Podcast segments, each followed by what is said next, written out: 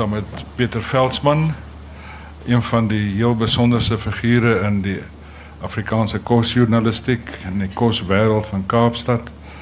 Ehm um, ons praat vandag oor wat die hart van vol is. Uh sy biografie, autobiografie uh wat by uh, Penguin verskyn het verlede jaar. Uh, ek is baie bly om hier te kan wees. Ek en Pieter kom 'n baie lank pad saam.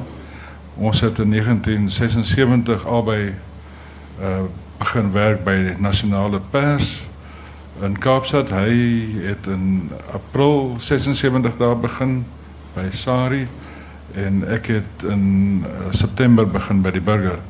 So dit is 'n baie lang pad. Ons het baie ete saam geniet by Mark's Coffee Shop daar in op die hoek van Kerk en St George's Straat in Kaapstad. Ons het ons nooit soveel verlaag dat ons 'n enkele kinderstorie oorgeslaan het nie.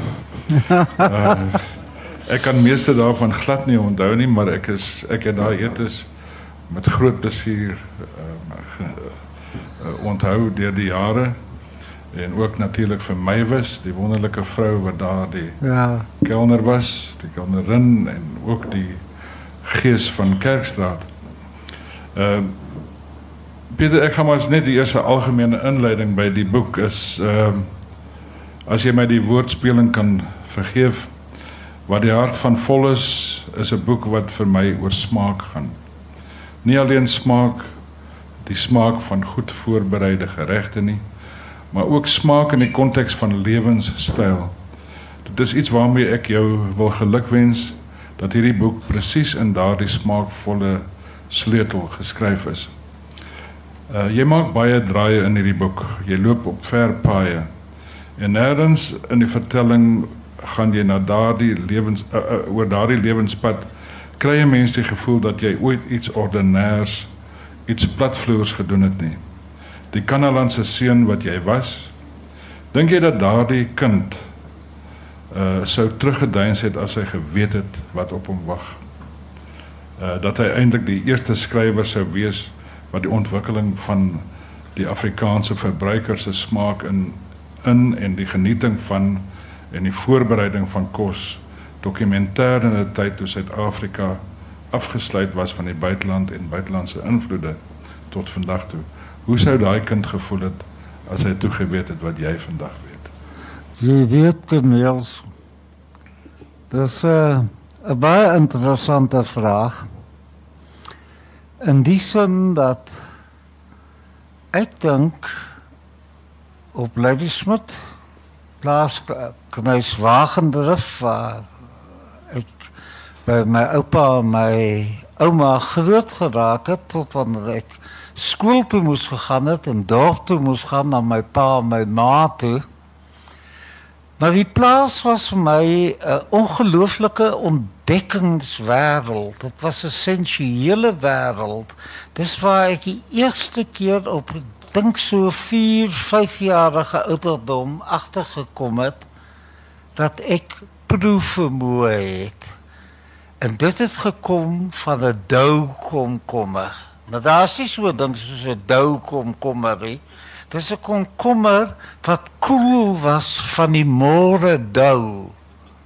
Klink dit amper soos by Rietfontein se Leidam waar die reël staan en droom en gebloemde pierboom takke bloeisel sprinkel oor die stroom so die idee duplisie styl. Ehm maar ek het ek het daar agter gekom dat ek smaak het dat ek 'n vermoë het om te kan proe en ek gaan nou nou, nou weer terugkom. Ek hou daarvan om so heen en weer met my stories te loop.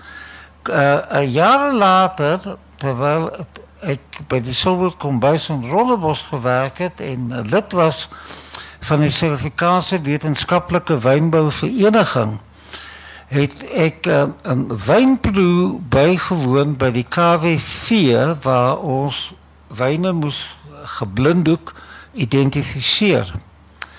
En van die groot geeste in die wynwêreld daai tyd het ek onder die tafel aangeproe. En deur my lewe heen Ek het werklik waar en ek sê dit nie omdat ek nou 'n windgat is of so nie, maar ek het 'n besonderse vermoë gehad om te kan ruik en om te kan proe. En dit nou ons los nou eers die storie daar en ons gaan nou weer terug na die plaas toe na my voorskoolse kinderjare. Ek het die wonderlike voorreg gehad om binne 'n gesin groot te raak wat verskriklik ernstig was oor kos. Ons het groot groentetuin gehad. Ouma het chinkering cheese gepluk en dan met watte toegedraai en dis gepak en uitgevoer Engeland toe. Ehm daar was iets van alles. Dit was wat die Italianers noem cultura promiscua gemengde boerdery. Bietjie gesaaide, eh, bietjie suiwel, eh, bietjie wyn, ons het 'n wynkelder gehad. Witblits vir die ongelooflikste soetmuskadel. Ehm um, dit was 'n idilliese wêreld. Ons was omring gewees met bure om Gert van Sail wat die leier was van die plaaslike van die plaas bidkring eenmal 'n maand bymekaar in iemand se huis gekom het en hom geld het vreeslik saggies gepraat. Jy kon ontrent nie woord hoor wat hy sê nie. Daar was daar oom Hasie de Wit. Sy seun is vir ewig deur David Kramer. Toe oom Hasie 'n koei op uitsoering gemaak het, agter op die bakkie gesit het En sy seun moes toe daar gesit het en gekeer het dat as hulle 'n uh, eh, huisrivier bergpas uitgaan die bees nie agter afval nie. En toe uiteindelik sit die sit die bees op uh, die man se skoot in die eierrand so tussen sy bene. Ehm um, dan was daar aan Juna, sy vrou, wat die mooiste stem gehad het. Maar sy was nie die voorsanger nie. Die voorsanger was Antleni Legrasie. En Antleni het met so 'n skerp stemmetjie gesing. Leer my hier, hier te wie. Wat 'n voorreg. Wat 'n voorreg. Net oor die bult aan die ander kant het dan Enna Neft gewoon. Haar skoonpa het towerkop uitgeklim. Eerste keer sonder toue, sonder enige iets, net met sy hande. En hy het 'n kousbo op die berg begrawe. En niemand wou hom glo dat hy dit gedoen het nie. Toe is daar bergklimmers van elders gebring lei die smid toe. En hulle het uitgeklim en sy kous daar gekry soos wat hy gesê het. En dis die legendariese Gustav Neff in die middel van die 19de eeu. Die lewe was bietjie Victoriaans, 'n bietjie Edwardiaans. My ouma Skots van herkoms, moeilik, rooi hare, groen oë, my oupa 'n wonderbaarlike mens. Die eerste musiek wat ek gehoor het, was toe hy O Tannenbaum op sy viool gespeel het. Toe met die koms van radio het ek knoeg geraak aan voordragprogramme veral die van tant Anna Netling Pool slaan toe die tent flap suster Anna en later jare toe ek nou al groot was uh, oppermans uh, gebed om die gebeente wat sy och ek het ek het opnames besit van mense wat wonderbaarlike stemme wat goed voorlees en op plaat vas lê. En ek sal nooit vergeet ek het in 1973 die geleentheid gekry om besoek aan Oxford die universiteit af te lê en daar oor te bly as 'n gas. En laas my was WH Orden. Die gesig was meer geplooi as die van Opperman op die buiteblad van Komas uit 'n bamboestok. Die are het bo op die vel gelê. En sulke gekleurde bloedwatertjies het van die drank deurtrekte besope mens so saggies oor gesigvelle verskyn. Maar as hy sy mond oopgemaak het, was daar 'n ongelooflike stem. Och, ek het ek het so ding oor stemme, oor mense wat wat mooi kan praat. Kyk, ek praat Lady Smith se Afrikaans met 'n r. Van Boyens, die professor die die seun wat later redakteur van die burger was nie kom daar net aan die ander kant uit die smit vandaan en hy het ook die klein karoose brei gehad en ek het by hom geskiedenis klas gehad en as ek opgestaan het en iets gesê het, dan het hy altyd vir my so gekyk met 'n glimlag. Daar was 'n geheime waardering vir die nuances van die streek, van die taal, van die van ons wêreld. En ek dink Cornelis hiermee gaan ek die kwessie van smaak afsluit. Ek dink as 'n mens smaak het, dan moet jy verteenwoordigend wees van wie jy is en waar jy vandaan kom. En my het en my het baie mooi geskryf het gesê sê my wie jy is en wat daarop volg. As 'n mens jou kennis, jou werk, jou verbintenisse met ander mense, dit is alles goed wat bydra tot die somtaliteit van jou menswees. En daai menswees kan passievol wees. Dit kan jy kan so 'n bietjie wegstoot. Jy kan baie geslote wees. Jy kan ek dink 'n bietjie vol van jouself wees. Ek het hele paar jaar lank saam met iemand gewerk wat tot baie vol was van homself. En uh um, maar smaak aan die einde van die dag is dit wat op jou pad gekom het en wat jou ek sal nie sê gedryf het nie, maar jou gevoer het na wat jy uiteindelik geraak het. Dis 'n sirkel. En jy begin die sirkel te loop en dan uiteindelik wanneer jy oud is, dan voltooi jy die sirkel. En uh wanneer die dood, die naderende dood 'n werklikheid raak, ek was net uit die hospitaal uitgekom. Ek is baie ernstig siek geweest. Kan nog nie skoene aantrek nie. Die voete is nog so opgepof van die water, maar ons praat nie oor sulke goeters nie. Want een van die dae is die KK en K daar. En dan is dit dit en dan is dit dat. En so stap jy die pad, soos Amanda sing. Jy stap die pad my lang. En die tweede ding van smaak in die gang van Lorika Raag. Daar is skilderye gehang van De Wet en De La Rey. En dan die wonderlike reël van haar man.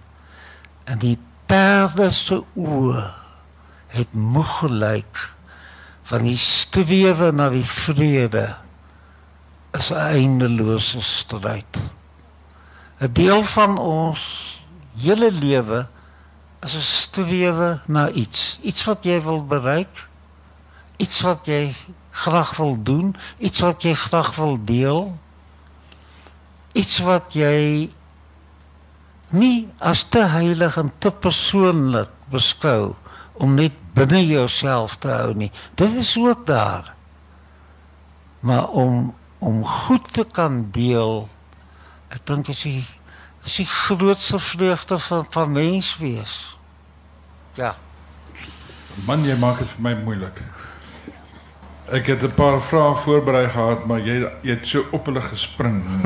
Kan hulle nou nie almal ehm gebruik nie. Uh die lees van hierdie boek was vir my 'n groot ontdekkingstog. Jou beskrywings van die Stellenbosse sosiale lewe in die jare 60 is vir my iets spesiaals. Vertel ons 'n bietjie meer oor hoe 'n jong plattelander sy voete in 'n amper restaurantlose dorp gevind het. Ja, dis heeltemal weg. Hier was die restaurante, hier was twee. Die Good Old Cafe waar ons brug gespeel het. Jy het nie so toe gegaan om iets te eet nie, jy het so toe gegaan om brug te speel. En en toe later jare het uh, die Buchanans wat die eienaars was van Lanserat, die wynplaas, dit verkoop. En hulle uh, aan David Roden wat uh, hotelier in Natal was en hulle het toe aangebly op die plaas en voortgegaan met die wyn en toe dit later aan aan Farmers Winery weer afgekoop en daar's onderverdelings gekom en dit Christo Wiese gekom en die lot weer gekoop en weer bymekaar gesit en so weer dis die gang van van Jy weet almal praat op die oomblik ons is vreeslik bekommerd oor Afrikaans. As niemand van niemand meer 'n woord Afrikaans kan praat nie. Gaan daar iewers iemand wees wat iets gaan ontdek. En 'n klein saadjie gaan dan gesaai word. Hy gaan weer gedood raak. Hierdie is 'n tydelike dip. Dit ontstel my verskriklik dat die Universiteit van Stellenbosch nou die soos Breiten Breitenberg sê die Universiteit van Kakibos is. Liefde liefde vir 'n plek of 'n ding of 'n tydperk. Dis waaroor dit gaan. Ons het ag Christo Wiese en en en Willem van Vier en ek en nog so 'n paar ander byes nou dese sien ons het so 'n sogenaamde linkse beweging hier begin. Alles behalwe links. Ons het dit nie daarvan gehou dat dokter Verwoerd na Verwyk Lou verwys het as 'n tweede klas Suid-Afrikaanse burger, amper soos Donald Trump van Meryl Streep deesdae. Dis gevoelloos. En ek dink nie in die in die in die lewe van mense wat werklik waar omgee is daar ruimte of plek vir gevoelloosheid nie. En hierdie sosiale tantes hier op Stellenbosch, ook aan die moederkerk, so Sarah Dutoit de la Guerre aan Sarah de Tooi. Langs haar Miss Joan van Niekerk en een blok verder af in Devonshire reis die ongelooflike Bessie van Brakel. Drie tantes hier in die dorp, daar was 'n paar ander mumies, hier Philip McLachlan se vrou, hulle het uh, kan nie nou op die oomblik dink nie uh, wie die tante was wie se man daai tyd uh, registrateur was nie. Ehm um, hulle hulle het so die skillertantes van die dorp geword. En toe vertel ek een keer 'n storie en ek het ook in my boekels van die eeu opgeneem oor koesusters. Want ek hou nie van die woord koek susters nie. Ek verkies koesusters. En Frankryk het sy tatata die twee Tartan susters wat 'n hotel in die platteland gehad het en 'n wonderlike appeltaart gemaak het onderste bo. En uh en toe besluit ek dat ons kususters kom, dit is nou grappenderwys kom van twee tantes wat sit in skinder, wat sit in koer met mekaar. Daarom kususters En toe sien nou 'n antie wat 'n doktersteesus gedoen het, wonderlike vrou, het die Klasons. Ag, en sy het vir my en vir Renata Kutsie vreeslik aangeval omdat ons gedurf waag het om te sê dat die Maleiers ook 'n groot by, bydrae tot Suid-Afrikaanse kos. En toe doen haar uitgewer Nicole Stassen wat 'n Lady Smitter is, nee, van geboorte. Toe besluit hy om haar dogtersteeses as 'n boek uit te gee, die geskiedenis van boerekos. En Nicole sê vir my hy het 'n probleem, hy het nie 'n buiteblad vir die boek nie. Toe sê ek vir hom ek het met 'n streekskos week in Sari het ek 'n foto gedoen met die fotograaf Jacques de Villiers waar ons 'n skildery in die kasteel gaan afneem het. Toe het ons dit laat druk en na die Koopmans de Wet museum toe gegaan waar ons groente en en produkte uit van Riebeeck se eerste 10 jaar voor dit gedrapeer het en en wonderlike bokale en en en en VOC porselein en dit uh, uh, dit was die eerste Sari buiteblad in die geskiedenis van die tydskrif wat as buiteblad foto gebruik is. En dit was altyd 'n mooi girltjie gewees. Margaret Gardner, ek moet tog herinner my dat ek later vir jou vertel van skilwerhakies, hoor. En ehm ehm en so het so ek is nou besig om baie af te dwaal, maar maar Uiteindelik is hierdie mense met wie jy in aanraking kom wat 'n rol speel in jou lewenspad. Nie my vriend Bill de Klerk weer de Klerk het het by herhaling vir my gesê jy kan nie sonder mense nie. Ons hele ingesteldheid as mens is op mense. Jy leer uit mense uit. Dis jou omgang met mense wat vir jou prikkel, wat vir jou aan nuwe dinge laat dink. Ek het eendag Johan Oudendal wat jare lank uh, saam met my in die restaurant gewerk het, het eendag 'n grap oor my vertel. Hy sê een aand wou ek die hele restaurant verander. Dit is hier 11:00 12:00 in die aand. En die personeel was taamlik moeg geweest en hulle was nou nie lus vir my manne wales nie. En ek staan so en ek kyk so en ek sit my hande so in my sy. Sê as ek net die regte mense rondom my het, kan ek berge verskuif. Mens kan maar was dit la gratitude wat jy geëet het?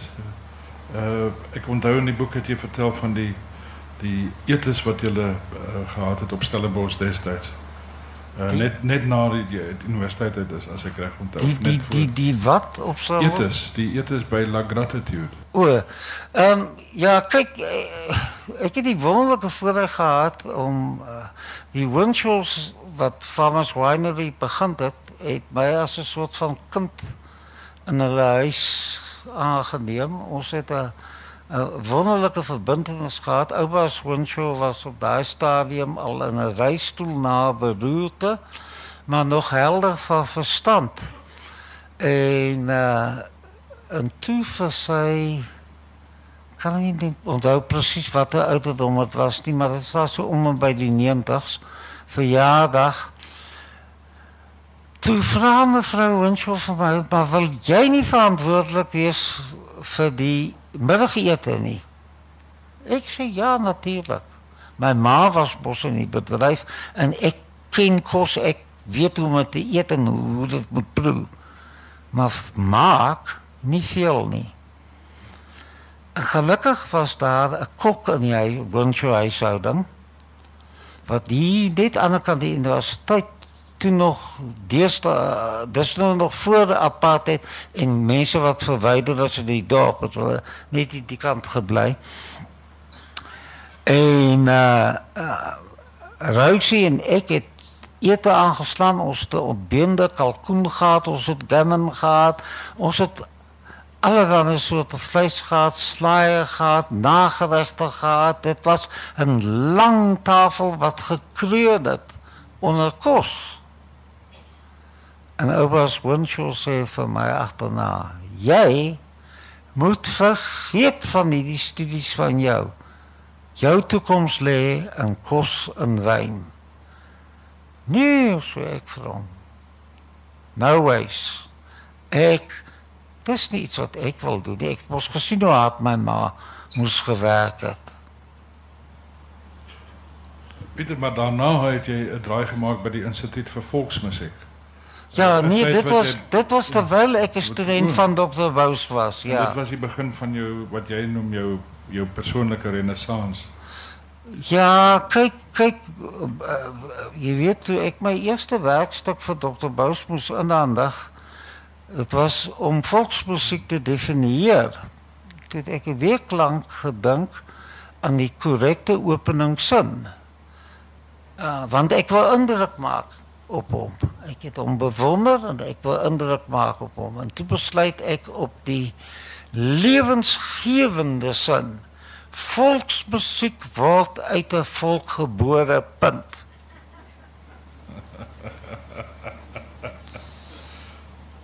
En Dr. Bous sê vir my ek dink ons moet 'n koffieklas hê by die Barracuda. Hy het eers daar dink ek is dit die kamera. Die Cameron. Ja. En ons sit daar onder die jacaranda boom. Miskien bietjie simbolies want uh uh 'n broerskind van my oupa grootjie Silje om Japie jacaranda het het jacaranda bome uit Suid-Amerika Pretoria toe geneem en daar geplant. So uh, uh hier sit ons nou onder 'n jacaranda boom en Dr. Bous kyk my so en hy sê vir my ek dink jy moet sosiologie gaan loop. Sê vir hom nou hoekom. Hy sê jy moet gaan leer wat norme is en wat empiriese denke is. Maar sulke prul soos hierdie bring jy nie weer na my toe nie. Ek was geskok en dan vertel ek nou 'n bietjie verder van nog 'n paar uh, insidente ons begin toe uh, van weer die aard van oor die volksmusiek uit Suid-Amerika uit en hoe ek Bous my gevorm het om logies te dink. En dit was dit was die begin, dit was die die vertrekpunt van Pieter Veldsmann minder sosiaal meer georiënteerd tot studie. Wonderlike wonderlike ontdekkingsoomblik in my lewe. As jy as ek dink aan die dinge in die boek wat ek die meeste geniet het, is dit eintlik in daai struktuur wat jy aan die boek gee deur so alwe amper 'n golwing. Jy vertel heel dikwels van jou ondervindinge hier, die verskillende stadiums, maar dan telkens breek onderbreek jy dit om te vertel van 'n reis. Jy is iemand wat baie uh, uh, wyd gereis het, groot liefde vir daardie ontdekking en die ontkenning van die onbekende. Maar die een ver vertelling wat jy het is vir my baie besin, baie interessant is die uh, eerste eerste reis wat jy beskryf is saam met jou oom Frik Afrika in. Ja. En jy is sekerlik een van die weinige mense wat nog Sentraal-Afrika in sy koloniale dae beleef het. Wil jy nie vir ons 'n bietjie meer vertel van daardie reis en hoe jy Afrika van destyds sou takseer nie? Kyk, ek was 'n skoolseun gewees en uh, my oom was 'n uh, landmeter. Hy was die jongste van die agt Silje kinders. Uh, my ma was 'n Silje. Uh, dit ter opklaring. En uh, en uh, my oom het het 'n paar groot projekte. Hy is nou uh, is nou 92 dink ek min of meer. Hy lewe nog. Hy bly in uh, Amerika op die oomblik. En hy het die knersvlakte so opmetings gedoen wat die hele uh, besproeiingsskema daar tot gevolg gehad het. En uh, toe was hy vir jare lank uh, het hy vir verskillende van die Amerikaanse kopermynmaatskappye opmetings in Noord-Rhodesië uh, tot in die Belgische Congo ingedoen. En op die einde, die laatste uh, ding wat hij gedaan heeft, was die Mosgas project. Wonderlijke man, sensitief. Uh, uh, ene van mijn ooms, met wie ik, uh, misschien wel wat ons ook nader aan elkaar bij ouderdom was, maar ons, da, ik heb een baie groot toegeneemdheid tot hom gehad. En uh, trouwens, al zes mijn ma's broers en mijn wonderbaarlijke tante Julia. Kijk, Julia kostkeis moet je gaan lezen. Dit is, dit is werkelijk waar... sy nou hier van Stellenbosch af plaas toe gekom twee keer 'n jaar vir die winter en die somervakansie want ons gaan afhaal en sy bring hierdie keis met die ongelooflikste proegoed daarin. Maar ek is toe net ek dink dit was van 6 of 7 daar rond toe uh, gaan ek saam met my oom van die Kaap af tot in Elizabethville. En uh, dit was 'n reis geweest, 'n wonderlike reis geweest, 'n wonderlike ervaring. Ehm by die Victoria Valle daar tussen uh, Noord en, Suid-Amerika, uh, uh, uh, Rhodesia. Ehm um, die koloniale lewe met die India kelders met die rooi sashes, die hoede, Meryl Streep out of Africa, daai soort van voorkoms. De, dit was 'n ongelooflike realiteit. En my oom is toe ons toe opgewyd want hy was eintlik nou op soek want hy moet nou op sy volgende groot projek gaan en om dit te kan doen het hy 'n cookboy nodig wat vir hom kan kook sodat as hy nou klaar is die dag met sy opmetings hy 'n lekker ete kan eet die aand. Nou hierdie cookboys het basies stews gemaak.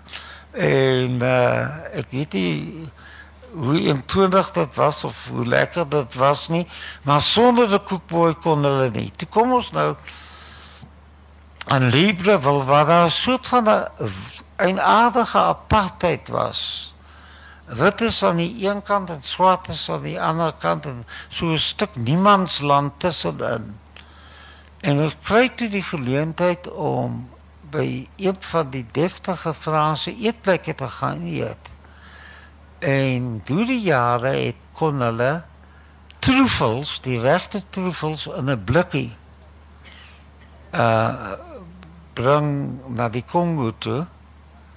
Uh en daar het ek as skoolseun my eerste werklike troefel geëet en ook my eerste Franse wyn in my lewe gedrink.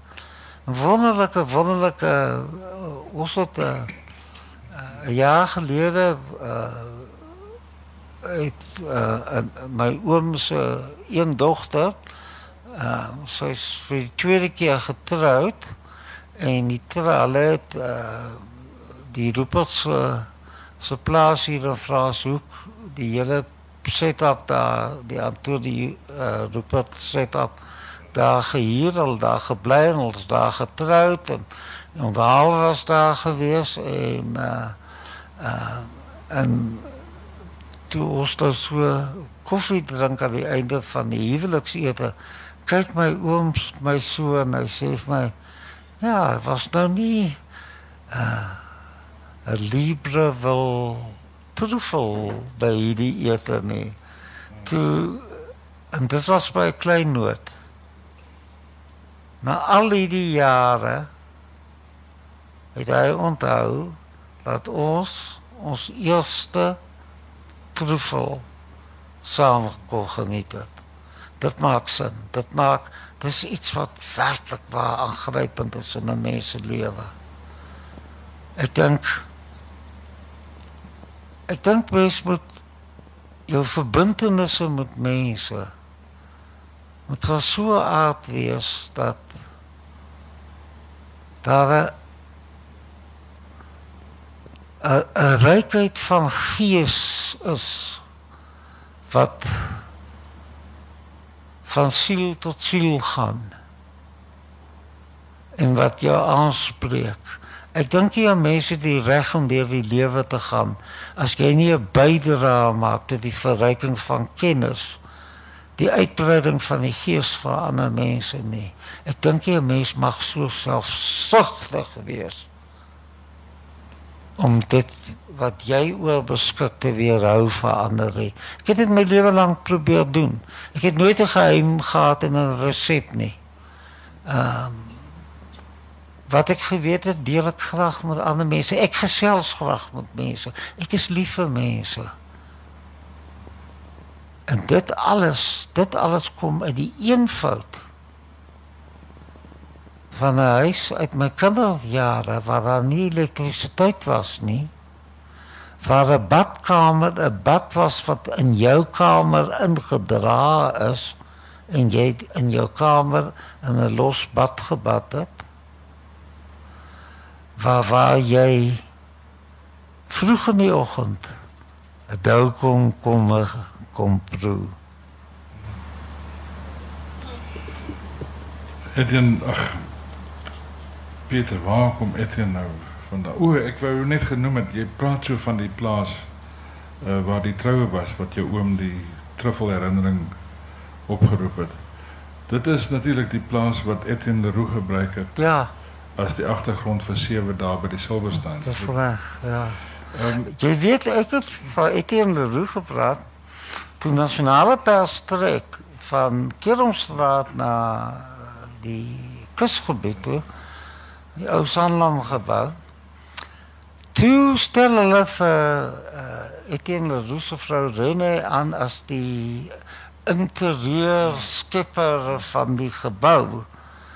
En uh, onze jaren was het geweldig duur geweest om een 4 bij 5 transparant, kostvoorbereiding 4 bij 5 transparant, voor de graaf wat betaald wordt, die transparant wat ontwikkeld wordt, scheidings wat gemaakt moet worden, die die drukproces moet gaan.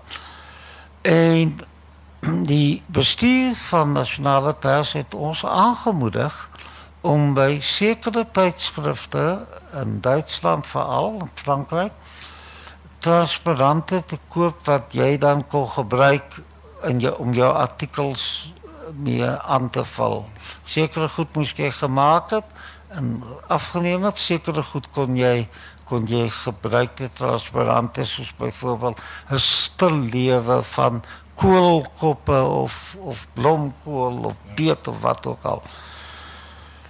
En uh, ons het op daai stadium was daar 'n 'n 'n Sarische kosafdeling uh seker so 'n 50 000 rand plus se voorraad. En met die trek was die goed in 'n uh, uh, bruin karton doos gepak en dis toe nou gestuur want uh ons moes ons goed vooruitgestuur het voordat ons toegang kon kry tot die nuwe gebou. En die Savicos afdeling was op die 22ste vloer van die Sanlam gebou en Savi se kantoor op die 6ste verdieping. En uh, toe ek nou daar kom, by by kyk vra wat was die doos met die transparante En nee, niemand weet nie. Kry vir René Leroux sê, "O, daai lelike ou doos wat jy verstaan het. Ek het vir, vir die mense die werkswys gesê, gaan gooi die ding weg, laat dit verbrand." maar ja, ons het maar niks gesê nie. Uh, ek dink sy is taamlik aangespreek. My irritasie levels oor die swak ontwerpte Savi toetskombuis. Ehm uh, wat ek another box by Fox, Revel Fox, die argitek genoem het. Ehm um, ehm um, ja. Algaande word jy wys, algaande leer jy.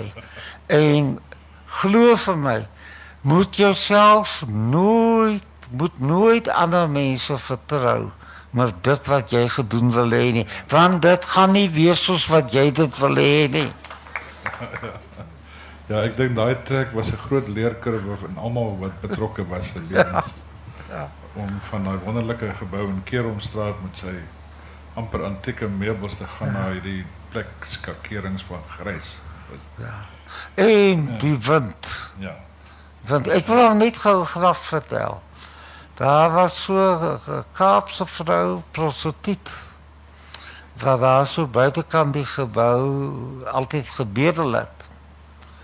En een oggend kom van die hogere siele van nasionale pers so laas aan daar by WP bloedbank was op parkeergarage en parkeer hulle daar dan stap hulle nou oor sit sy daar onder en toe bedel sy weer daar by hulle en hulle wanneer kyk as so vies aan en uit die hoogte uit aan en sê nee sy sê luister jy daarso moenie laat ek vir die mense gaan vertel waar jy gisteraan jou voete gesit het nie en uh, dit sê verdwyn Onthou jy, ja. onthou jy so so op 'n dag wat haar naam was. Ek onthou sy het altyd daar gedoen. Ja, en toe sy net skielik verdwyn. Nou ja. Hy het seker gaan kla. Ja. Pieter, daar's nog twee goed wat ek jou wil vra. Ons tyd is eintlik amper verby. Uh maar die een is die rol van musiek in jou lewe en jy waar jy ook al die uh een van ons bekendste orgeliste, Rochelle de Toey, was een van jou protegés op 'n manier. Ja. Vertel 'n bietjie van die rol van musiek.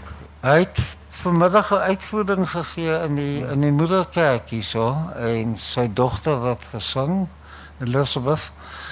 Ehm um, ek het uh, ek het 'n verskriklike passie vir musiek. Die uh hierdie ding om met 'n radiootjie in die klein Karoo na musiek te luister. Kijk, wat het, wat het ek nou op Lady Smith geweet van 'n simfonieorkes? Niks.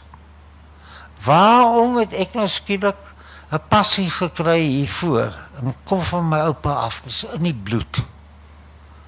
My oupa, my ooms hulle het mooi musiek gemaak. My oupa het so 'n bietjie in die klassieke ingegaan, maar nie juis nie. Red River Valley was uh, meer hulle plaas musiekstyl gewees as as uh, en ek dink nie Eva hulle het ooit my ooms of my oupa het ooit 'n orkes gehoor wat 'n simfonie uitvoer nie. Maar ek het hierdie ding gehad en in die dorp was daar die Blythes gewees. Ellen Blythe wat 'n mediese spesialis was en na wie die hospitaal daar vernoem is wat my in die wêreld gebring het. Sy broer Jeff wat saam met Van Velden ons prokureur was en sy suster Selma. En Selma was sy sy in haar 80's was, het sy nog vir sy westelike distrikte tennis gespeel. Ongelooflike. Jong, hy was vroue, legendariese vroue op die dorp. En uh En Velma het van tyd tot tyd het sy sulke musiek aangehou. Dan het sy Engelse uh, volksliedere en lieder uitgevoer. En daar was aan Bess Middleton. Elke jaar, kyk vroeër daar was uh, SAK nog 'n ding gehad wat hulle genoem het streeknuus. Eers die nuus en daarna die streeknuus gevolg. En dan het uh, die uh, verteenwoordiger van die SAK, Lady Smit, vir die radio mense gesê, mevrou Bess Middleton, die orgelis van die NG Kerk op Smit Kaap, het gister per boot vertrek na Amerika waar sy die Kersfees verjaar saam met haar kinders gaan deurbring. Nou dit is 'n soort van agtergrond simpel, eenvoudig, besoekende kunstenaars, plaaslike talent, radio. En dit het ek het Beethoven leer ken, ek het Brahms leer ken, ek het Chopin leer ken. Baie min Bach, baie min Mozart. Hoekom weet ek nie. En eers jare later het ek meer van Schubert ontdek. En die Russiese 5 later gekom en meer moderne musiek 12 toon en so meer heel wat later. Dit was musiek was vir my nog altyd 'n ontdekkingsreis. Binne in die kunslied is daar vir my 'n ongelooflike beeldwêreld. Maar dit is dikwels die ontwikkeling van 'n tema in 'n sonate of in 'n simfonie wat vir my aangegryp het wat vir my so half 'n wiskundige uitdaging was afgesien van die musikale uitdaging daarvan. En ek het ek het net my liefde daarvoor net meer en meer en meer en meer geword en en en en ek speel fine music radio daagliks ons luister na goeie musiek wanneer wanneer ek kan. En ja, ek moet vra of daar enige vrae in die gehoor uit die gehoor uit is. Ek wil net vir terwyl uh, jy moet by mekaar skraap. Pieter het nou net eintlik bietjies bietjies geraak aan die wonderlike skatte wat in hierdie boek opgesluit is. Dit is vir my 'n merkwaardige lewensverhaal. Ehm um, daar is soveel meer en eintlik een van die vrae wat ek nou nie gevra het nie is ek wil eintlik by jou weet as as die krag nog daar is, is daar dalk iets nog aan die kom. Ek hoop so. Ehm um, Corneel ek hoop ook so. Ek hoop ook so. Ehm um, as jy gesondheid hou, ja, dan dink ek daar sal wees.